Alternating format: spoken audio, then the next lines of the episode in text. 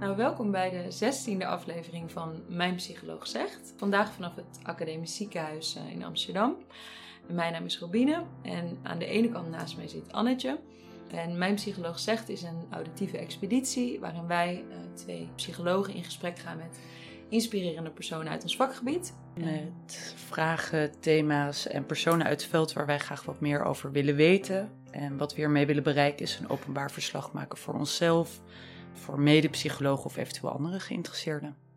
En vandaag zijn we dus in het Amsterdamse Universitair Medisch Centrum. Uh, in een van, in ieder geval, of in de werkkamer van Damian Denies.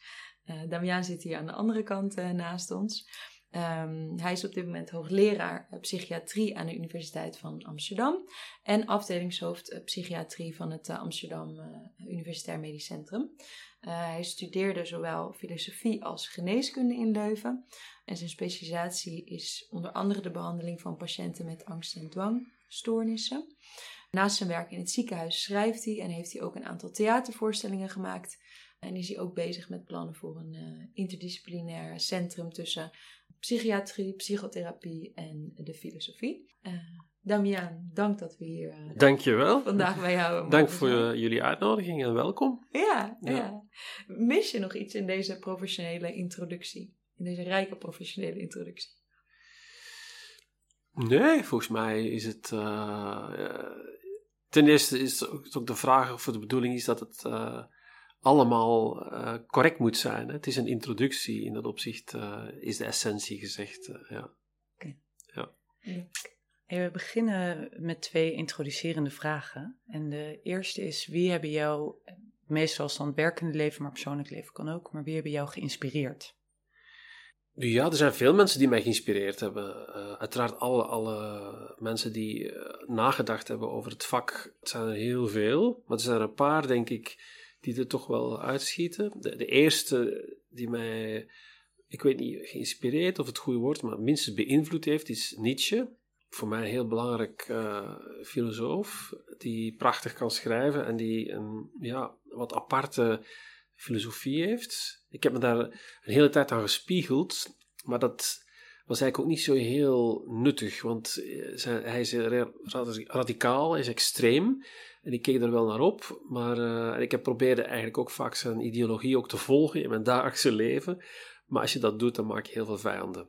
Op welke dus manier dan volgt hij dan bijvoorbeeld? Omdat ja, hij is heel radicaal gewoon. Dus hij, is uh, een voorstander van de absolute waarheid. Hij accepteert geen enkele vorm van soort van bemiddeling. Hij heeft geen, uh, accepteert niet het menselijke, accepteert niet het faal, accepteert niet. Dus je moet altijd gewoon gedisciplineerd zijn, hard werken, de waarheid vertellen. Elke vorm van toegeving moet je naast je neerleggen. Alles ten dienste van de waarheid, ook jezelf. Dus jezelf opofferen voor die ultieme, absolute waarheid, wat dat ook mogen zijn, die dan ook nog bovendien relatief is.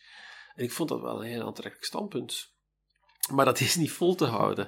En het is interessant, want datzelfde thema, ik weet niet of jullie dat boek kennen, Nietzsche's Tranen, ja, van ja, uh, Jan Loom. Dat komt daarin terug, hè, want dat, dat gaat dan over volgens mij uh, Breuer, uh, die een relatie had Lou Salome en Nietzsche, die worden daarin verbeeld. Dat heeft nooit plaatsgevonden, maar goed. Hoe dan ook. Die, datzelfde gedachte zit erin dat iemand ook Nietzsche die waarachtigheid wil volgen. En dat loopt dus helemaal mis in zijn familieleven. Ik vond het dus een fantastisch thema. Ik herinner me nog, want ik heb uh, Jalom een paar keer geïnterviewd, dat ik hem zei, ik vond het zo'n mooi boek. En zeker dat thema. En hij zei tegen mij, oh, zegt hem, dat is eigenlijk nooit mijn bedoeling geweest om daarover te schrijven. Ik had het toch helemaal iets anders. nou, zie je hoe relatief het ook is, ja. Ja, en hoe je ook met, met een bepaalde bril dan weer naar dingen of naar ja, boeken kan kijken. Ja, heel gekleurd punten, ja. ja. Dus, maar, en, maar er zijn natuurlijk uh, talloze andere, uh, Freud, Lacan, uh, Kreplin, Heidegger, pff, ja, noem maar op. Dus het zijn heel veel denkers die mij beïnvloed hebben. En je noemde al dat een tijdje heb je hè, Nietzsche of, of zijn stijl aangehouden, maar dat het op een gegeven moment veranderd is. Onze vraag is, ook de tweede introducerende vraag is, waar herkennen jouw cliënten aan? Wat is jouw stijl in de kamer? Ik denk dat ik heel direct ben, heel open. Denk ik, mijn tekortkoming is dat ik redelijk cognitief ben ingesteld. Dus ik merk zelf dat ik nog uh, eigenlijk wel heel veel uitdaging kan vinden en verbetering in, in het, de overdracht aan zich. het gevoel, dat is iets waar ik moet aan werken. dus ik kan mensen snel inzichten bieden op basis van filosofie en ze uitnodigen en dingen teruggeven. Maar dus dat andere stuk, dat, dat, dat is voor mij zeker een tekortkoming. En ja, er is een soort van autoriteit waar ik kan gebruik van maken. Dit gebouw, die kamer, de status. Dus in dat opzicht helpt dat ook. Het heeft een soort van placebo-effect, uiteraard, als mensen hier binnenkomen. Dus ik denk dat dat ook iets zegt over uh, hoe ik in de, in de vak sta en hoe mensen mij herinneren of hoe ik hierin zit. Ja. Wat mooi, dit is de eerste keer dat, we een, dat iemand een tekortkoming uitspreekt. Of een, iets waarmee je oh, bezig bent om, uh, ja. om aan te werken. Of een soort zelfinzicht. Ja, ja, ja mooi opgemerkt inderdaad. Ik, ik zat ook te denken dat uh, ik je toen een periode, een tijdje geleden tegenkwam bij de soort informatieavond voor de, er zijn altijd heel veel letters, maar psychoanalytische vereniging, nee, de Nederlandse vereniging voor psychoanalytische psychotherapie, volgens mij is dat hem, NBPP. Is dat, is dat bijvoorbeeld een, een opleiding die je zou willen doen om je daarin te specialiseren, of was je daar om andere redenen? Of? Nee, dat, daar was ik voor. Dus ik heb een beetje een, een raar verleden met psychoanalyse. Dus in die filosofie-studie heb ik redelijk veel uh, psychoanalyse gelezen. Dus de theorie ken ik redelijk, denk ik, vanuit filosofisch standpunt. Uh, existentialisme, als wat erbij hoort. Maar dan ben ik eigenlijk in de, in de neurobiologische psychiatrie geduikeld. Uh, 25 jaar dat gedaan, heel veel onderzoeken gepubliceerd en dopamine, serotonine. Maar ik merkte dus dat dat contact met patiënten en zeker die psychotherapie, dat dat toch echt een enorme plezierige dimensie geeft aan, aan, aan het vak. En ik, ik was het eigenlijk vergeten, of misschien heb ik het ook nooit gedaan. En uh, dus ik was daar omdat ik eigenlijk wel overweeg om die opleiding te doen. Het is natuurlijk bizar, want ik zit op het einde van mijn carrière. Het is vier jaar. Maar ik denk dat het wel de moeite is. Ik wil eigenlijk graag die verdieping. Uh, en uh, ja, wat ik daarnet zeg, ik heb veel tekortkomingen in mijn psychotherapeutische vaardigheden. Daar wil ik graag iets aan doen. Ja. Het interessante is ook dat je dat opmerkt en dat je er ook iets kan aandoen. In veel disciplines is het niet altijd zo makkelijk om één tekort te herkennen en twee ook te weten wat je moet doen. Maar in dit geval zou een opleiding kunnen helpen. Nee, dat vind ik juist ook een van de aantrekkelijke dingen uit, uit ons vak, misschien ook wel andere vakken, maar dat je ook nooit uitgeleerd bent en dat je juist inderdaad gaandeweg. Natuurlijk, hoe meer je weet, hoe meer je ook weet dat je zo weinig weet en, en dat je meer wil leren. Ja. Ja, maar je denkt, als je een beetje in, in dat psychotherapeutische werk graaft, kom je er mhm. snel achter dat er toch wel enorm veel skills nodig zijn. En sommige uitermate bedreven in, in een bepaalde van die skills en andere dan weer niet. Dus het is toch interessant hoe het altijd een zweem heeft van subjectiviteit en, en vaagheid. En dat, dat je toch echt makkelijk kan zien wie dat heel goed kan en wie dat gewoon niet kan. In de, in de beoordeling van een goede of een slechte persoon zijn we, zitten we er niet vaak naast. Ja.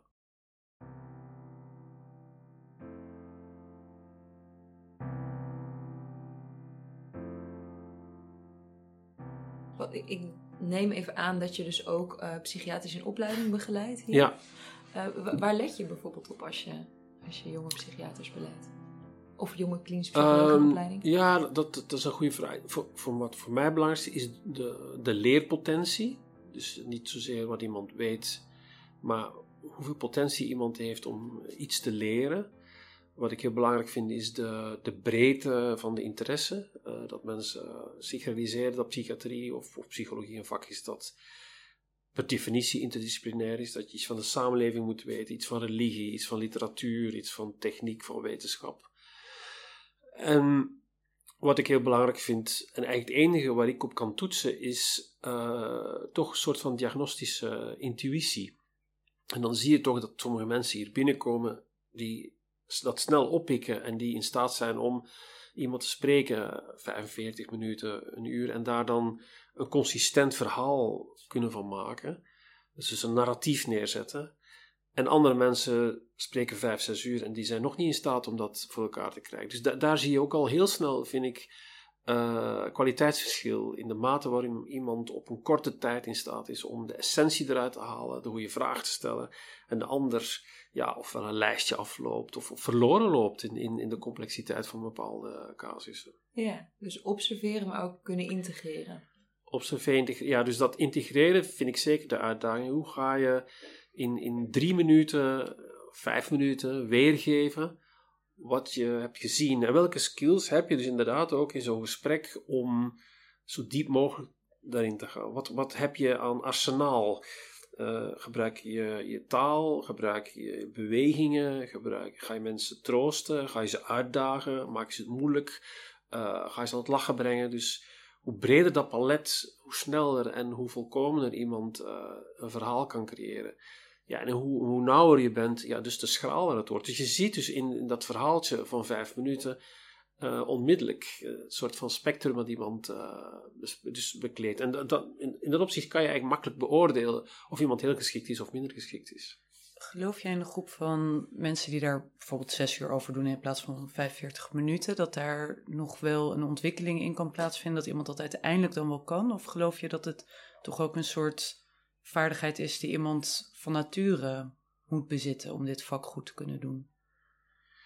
Ik geloof dat mensen het kunnen leren, maar ik geloof ook wel in een zekere aangeboren vaardigheid. Of op, opgevoede vaardigheid, hoe moet ik het zeggen. Dus ja, in dat opzicht uh, schaar ik mij achter een aantal mensen die uh, al langer gezegd hebben: als je een jeugd hebt gehad die niet al te makkelijk is, en op jonge leeftijd geconfronteerd bent met een moeilijke vader of een moeder of een zus of ziekte, dat die het contact met dat abnormale en, en je op jonge leeftijd uh, je ontwikkelen binnen zo'n milieu, dat dat wel helpt om, om voeling te krijgen, empathie te creëren, voorspellende factoren te achterhalen, om de sensitiviteit vast te houden voor wat er bij de ander gebeurt, of de atmosfeer op te pikken tussen groepen van mensen.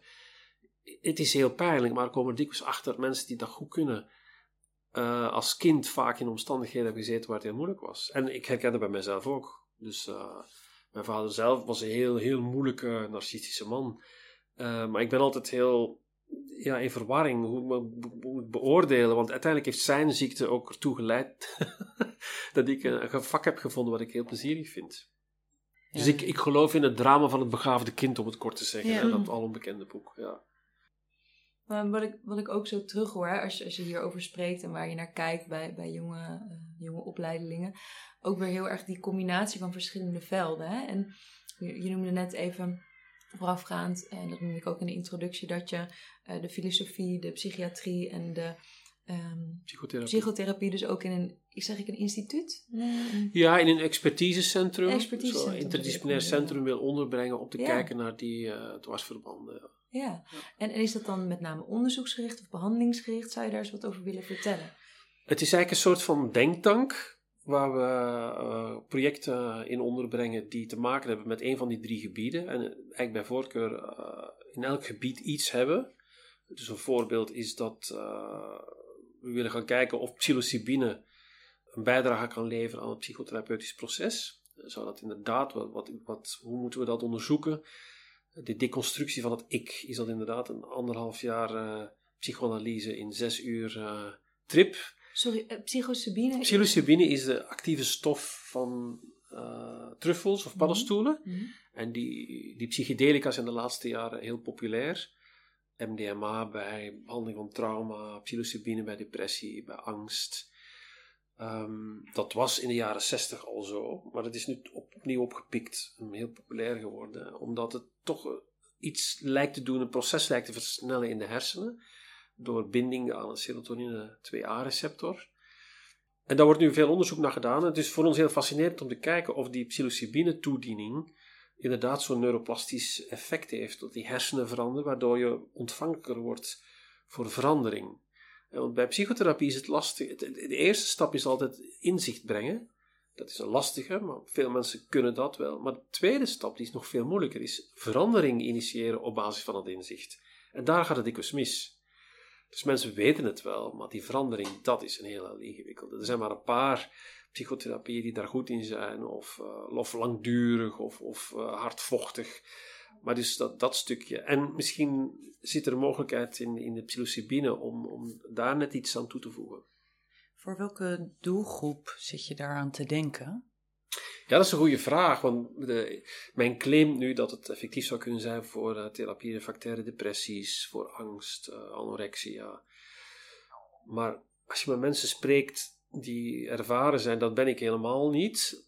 uh, maar Michiel van Elk bijvoorbeeld, die redelijk veel onderzoek heeft gedaan, onderzoeker aan de UvA en in Leiden ook, heeft er een heel mooi boek over geschreven, had ik onlangs een discussie mee. En hij zegt ook, ja, het lijkt eigenlijk het beste effect te hebben bij een hoogopgeleide creatieve persoon, die op zoek is naar zichzelf. Dus dat zijn mensen die in de piramide van Maslow gesproken, als zich in de top begeven en dan op hun 40, 50 zeggen, ja, wat is eigenlijk de zin van mijn leven?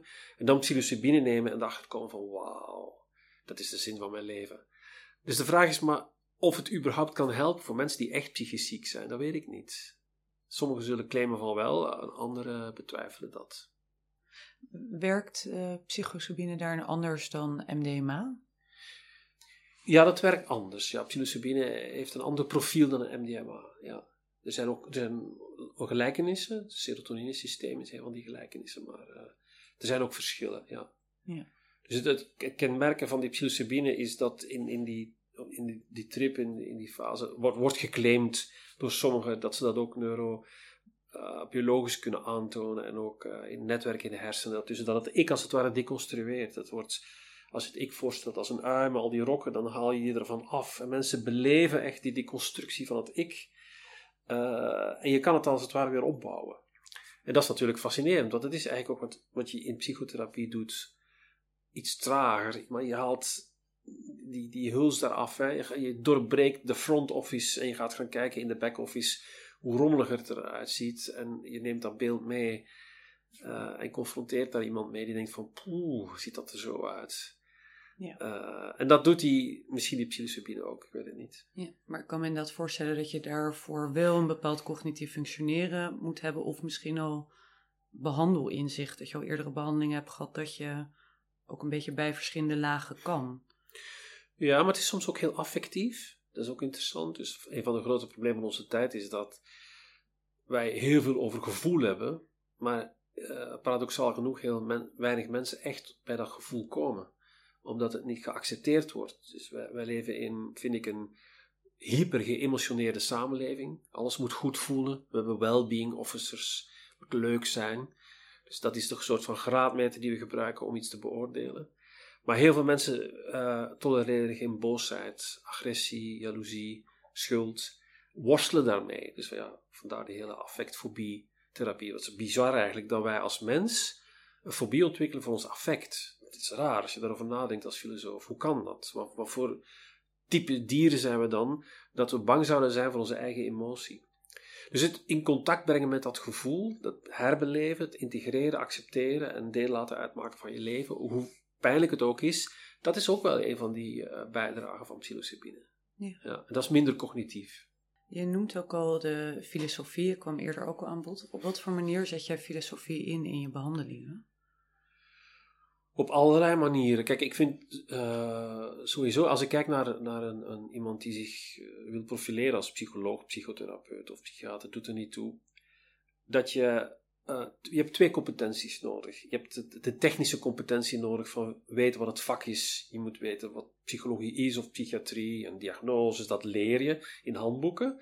Maar een andere competentie die nog veel belangrijker is en die nooit wordt aangeleerd maar wel heel essentieel is wat ik noem reflectieve competentie. Dat is de competentie om jezelf in het licht te zien van die ontwikkelingen, van de, van de samenleving, van de historiciteit van het denken. Dus waar sta je eigenlijk? Wat ben je aan het doen? Als er iemand bij jou komt, weet je dan eigenlijk wat je met die persoon wil doen? Mensen zeggen: Ik wil geholpen worden. Maar ja, wat wil dat zeggen? Wil je normaal worden? En als je normaal wil worden, wat is dat dan normaal? Wat betekent normaliteit in 2023 in Nederland? Heb je daarover nagedacht? Betekent dat vlot zijn in social media? Betekent dat ook een beetje eenzaam zijn, want iedereen dat is? Dus het, expliciet nadenken over wat je aan het doen bent, de waarden en normen uh, voor de geesttalen die je impliciet sturen in de behandeling van de patiënt, dat is eh, deel van die reflectieve competentie. Dus dat is een onderdeel dat sowieso aanwezig is. En een ander is het expliciet gebruik van filosofische inzichten om mensen dingen duidelijk te maken. Mensen die bijvoorbeeld uh, verlangen naar controle, laten zien dat, dat controle eigenlijk alleen maar op illusie gebaseerd is. Mensen die worstelen met het ik, daarvan kan je aantonen, ja, het ik is geen eenheid, het is gewoon een, er zijn allerlei ikken, die, die, die, je hebt de illusie van eenheid nodig. Dat soort van principes of ideeën vrijheid, angst, controle, noem maar op. Daar zijn natuurlijk door filosofen veel verstandige dingen over geschreven. Teken jij die dan uit? Gebruik je dan specifieke voorbeelden? Of raad je mensen dan aan van lees dat boek? Daar wordt het Meestal, uitgelegd. nou ja, ik breng het soms aan. Als iemand gefascineerd is en er meer wil over weten, dan eh, zou ik wel eens een keer eh, kunnen verwijzen naar een quote of een boek. Of, of, eh, maar dat gebeurt niet zo heel veel. Het is eigenlijk ook niet. Het is ook geen les filosofie. Dus het is niet dat ik zeg, ja, Plato heeft gezegd op pagina 85 eh, dit en dat. Het is Nee. gewoon het, het gebruiken van al oude inzichten en je weeft dat door, ja, het, door het gesprek eigenlijk. Ja. Eerder in dit gesprek noemde je ook hè, in, in het voorbeeld of, of iemand echt ziek is. Hè, rondom die Maslow-pyramide en voor wie, wie de, eh, de zou werken. Nee, Psilocybine, ja. ja. Psycholocybine? Nee, Nee, psilocybine. Psilocybine, Psilocybine. oké, Ja. daar ga ik nog waarschijnlijk een paar keer over struikelen. Maar ehm, toen noemde jij het echt ziek zijn. Hè? En eh, ik zag ook laatst dat je iets had gepost op LinkedIn. Dat ging over een soort eh, bolletjesmodel van links Ja, helemaal mentaal precies. welzijn. En dan Ja. mentaal gezondheid en mentale stress. Mentale symptomen naar mentale ziekte. En dat je zo een soort Ja. vijfschaals bolletjesmodel had.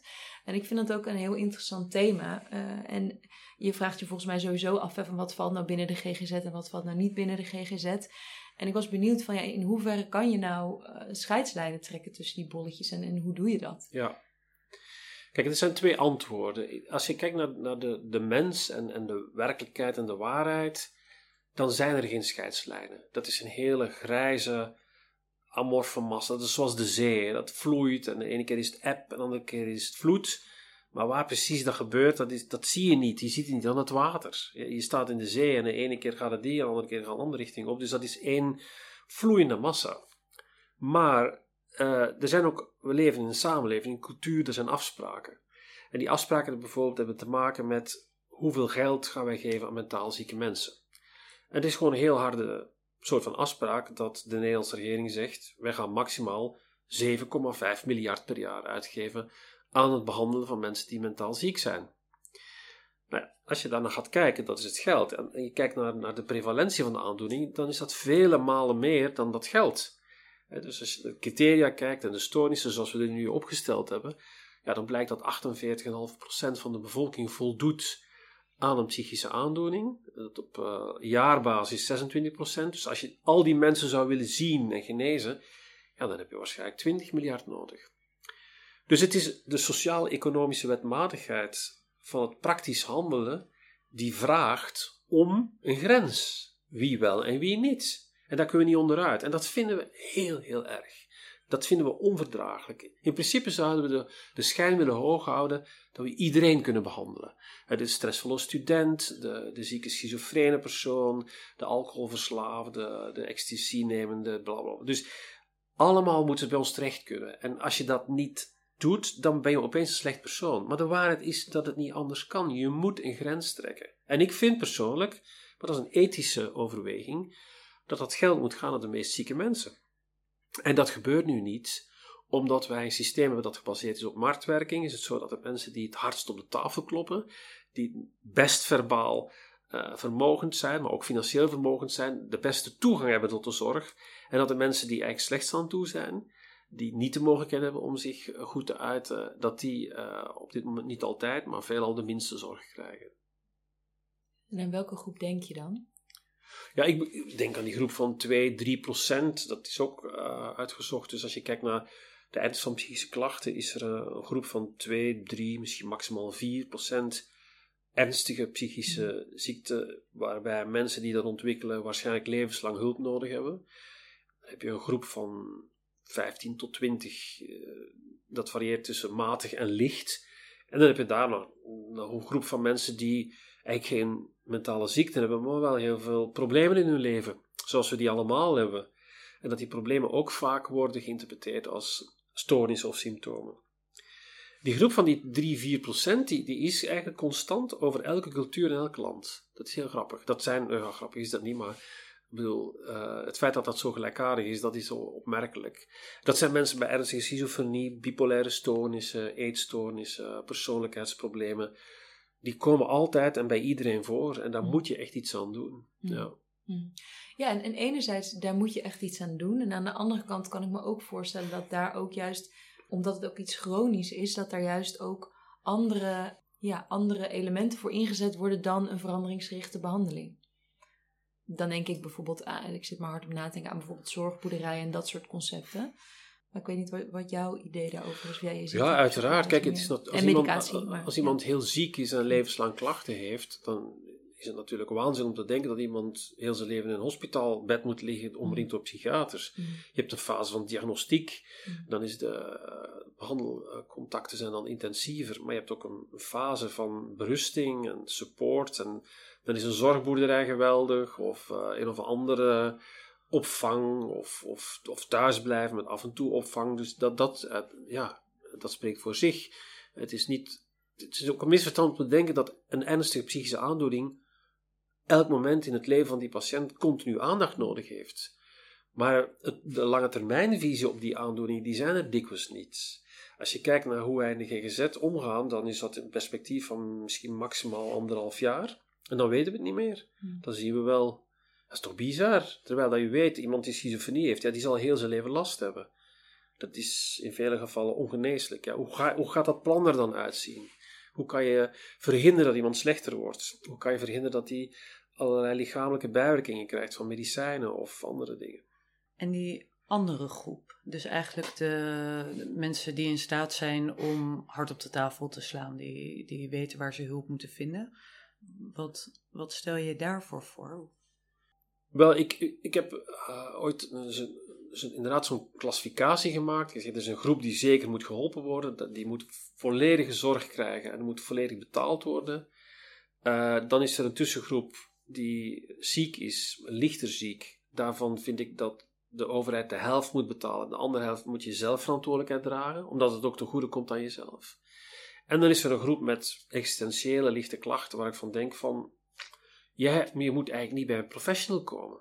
Doe iets anders of zo. Yoga of ga wandelen of uh, zoek betekenis in iets. Of zoek, dus er zijn naar mijn gevoel drie tot vier groepen die je kan onderscheiden. En nogmaals, in realiteit is het allemaal, loopt het door elkaar. Maar omdat we dus die categorieën nodig hebben, daar moet je iets mee. Omdat de vraag zich stelt, wie krijgt wel en geen geld en voor wie uh, hebben wij die professionals opgeleid. Mm. Dus dat hangt van de ernst van de ziekte af en het beloop. En, en uh, ja, nou, en, en, in hoeverre zie je daar bijvoorbeeld ook een, een rol voor, uh, voor scholen of voor sportscholen of voor om daar uh, bewegingsgerichte initiatieven of uh, filosofie um, richting te geven aan mensen? Ja, graag. Ik bedoel, dat gebeurt natuurlijk nu niet of veel te weinig. Mm. Dus we zijn in scholen, ja, nu niet meer denk ik, maar vroeger waren we gefocust op kennisoverdracht, wiskunde Nederlands. Ja, dat is er nu niet meer, want er is niemand die van school komt die nog deftig kan schrijven. Wiskunde, alles gaat een beetje naar beneden. Um, en dan had je nog uh, lichamelijke opvoeding of lichamelijk onderwijs. De, maar er is geen geestelijk onderwijs. Dus ik zou enorm voorstander zijn om in een vroege fase kinderen te leren wat angst is, uh, wat de betekenis van het leven is, dat we allemaal doodgaan.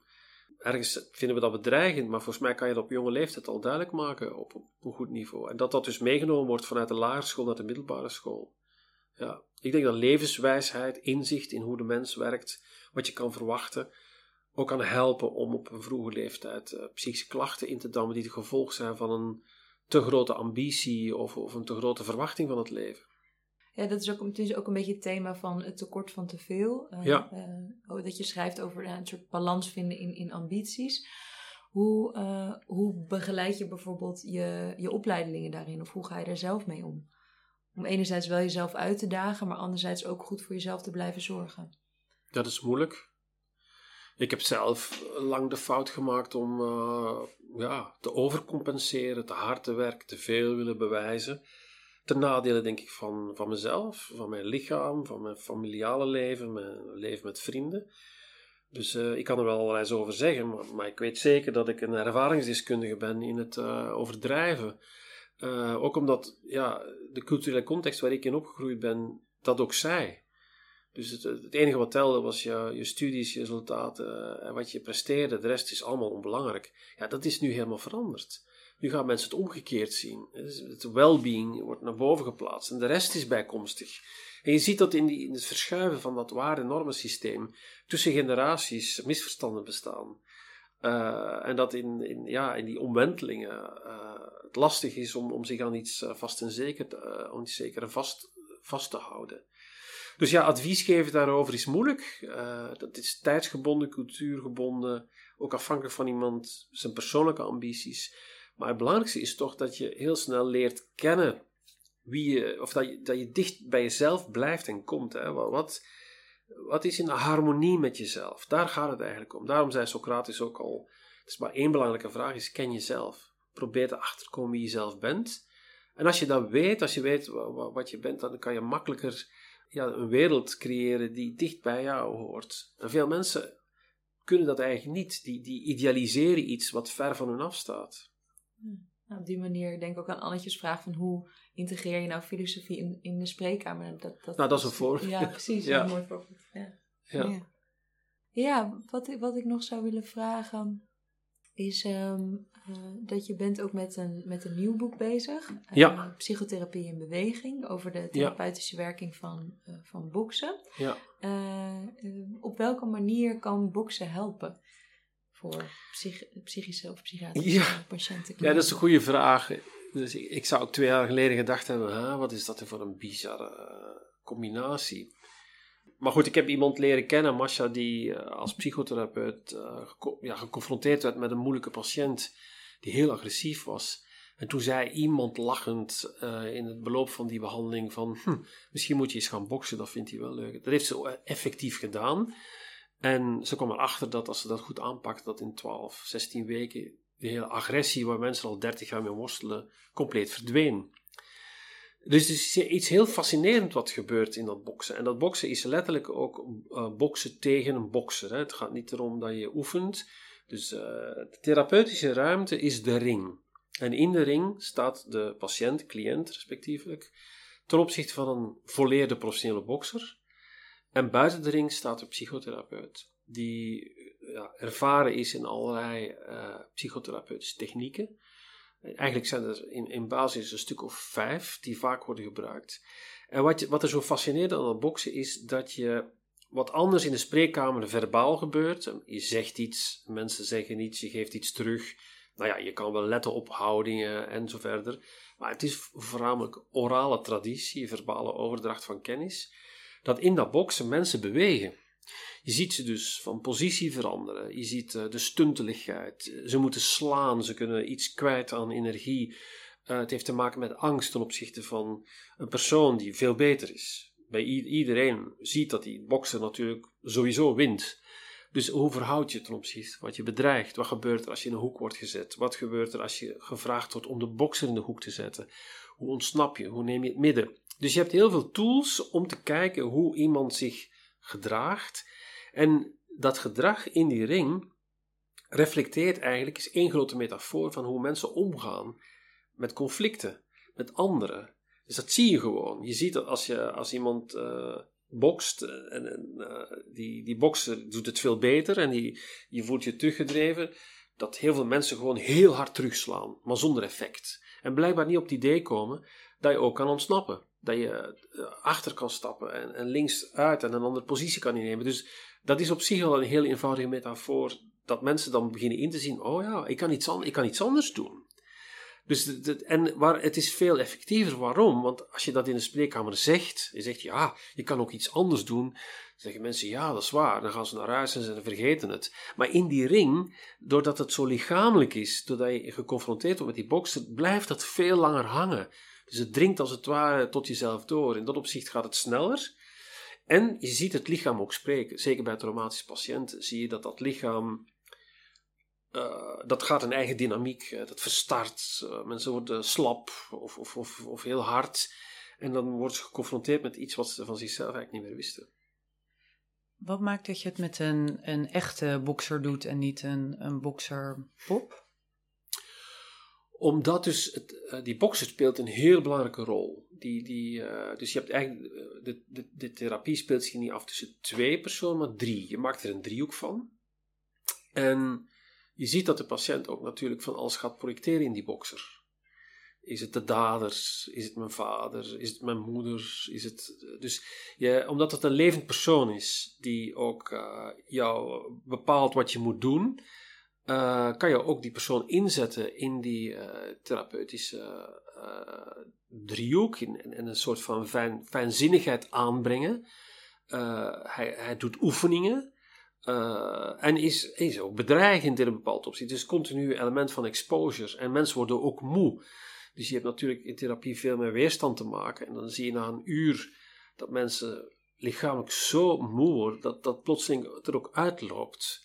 Uh, daarom heb je iemand nodig die echt effectief bokst, die status heeft, die, niet, die soms een beetje meegaat, maar soms ook niet. Het is heel belangrijk dat die, dat die persoon neutraal blijft, hè, dat hij niet uh, overactief is of, of minder mhm. actief. Dus uh, ja, en, en goed communiceert met, die, met de psychotherapeut, die toch leiding geeft aan het hele gebeuren door te zeggen: we gaan nu dit of we gaan nu dat doen.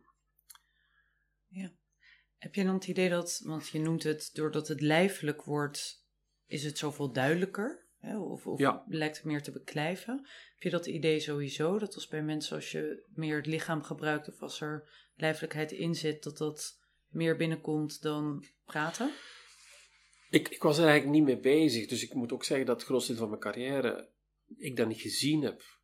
Uh, ik heb het voor een nacht staan, maar eigenlijk wel. Uh, ik denk, uh, ik was toevallig twee dagen geleden naar een film aan het kijken van Minuchin, systeemtherapeut. Die, ja, die spreekt over spatiale metaforen. Dus eerst biedt hij een metafoor aan, opdat het gezin zichzelf kan begrijpen en de positie van ieder lid. Maar wat hij dan doet, is effectief in de ruimte stoelen dichterbij, achteruit. Dus je ziet dat je fysieke ruimte iets met mensen doet in de herkenning, de erkenning, in inzicht.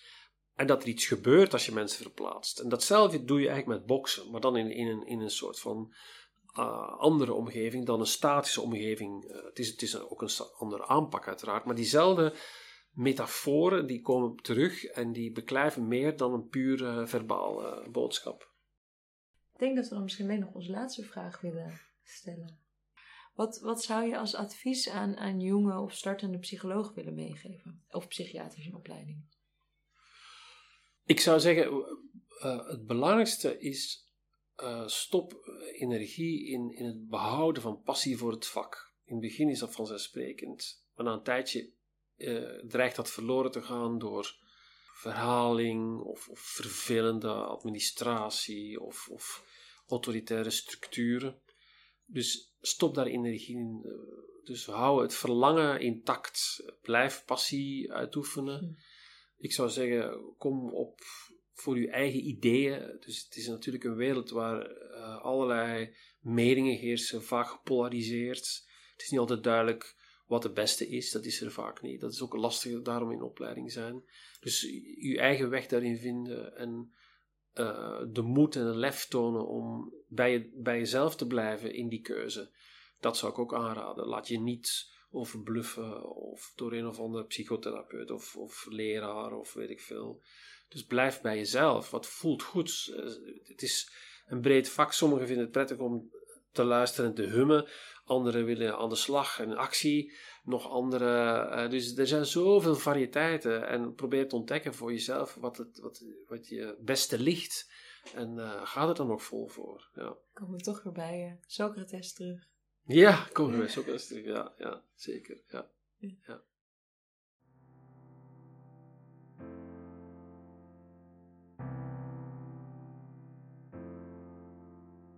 Oké, okay, dankjewel.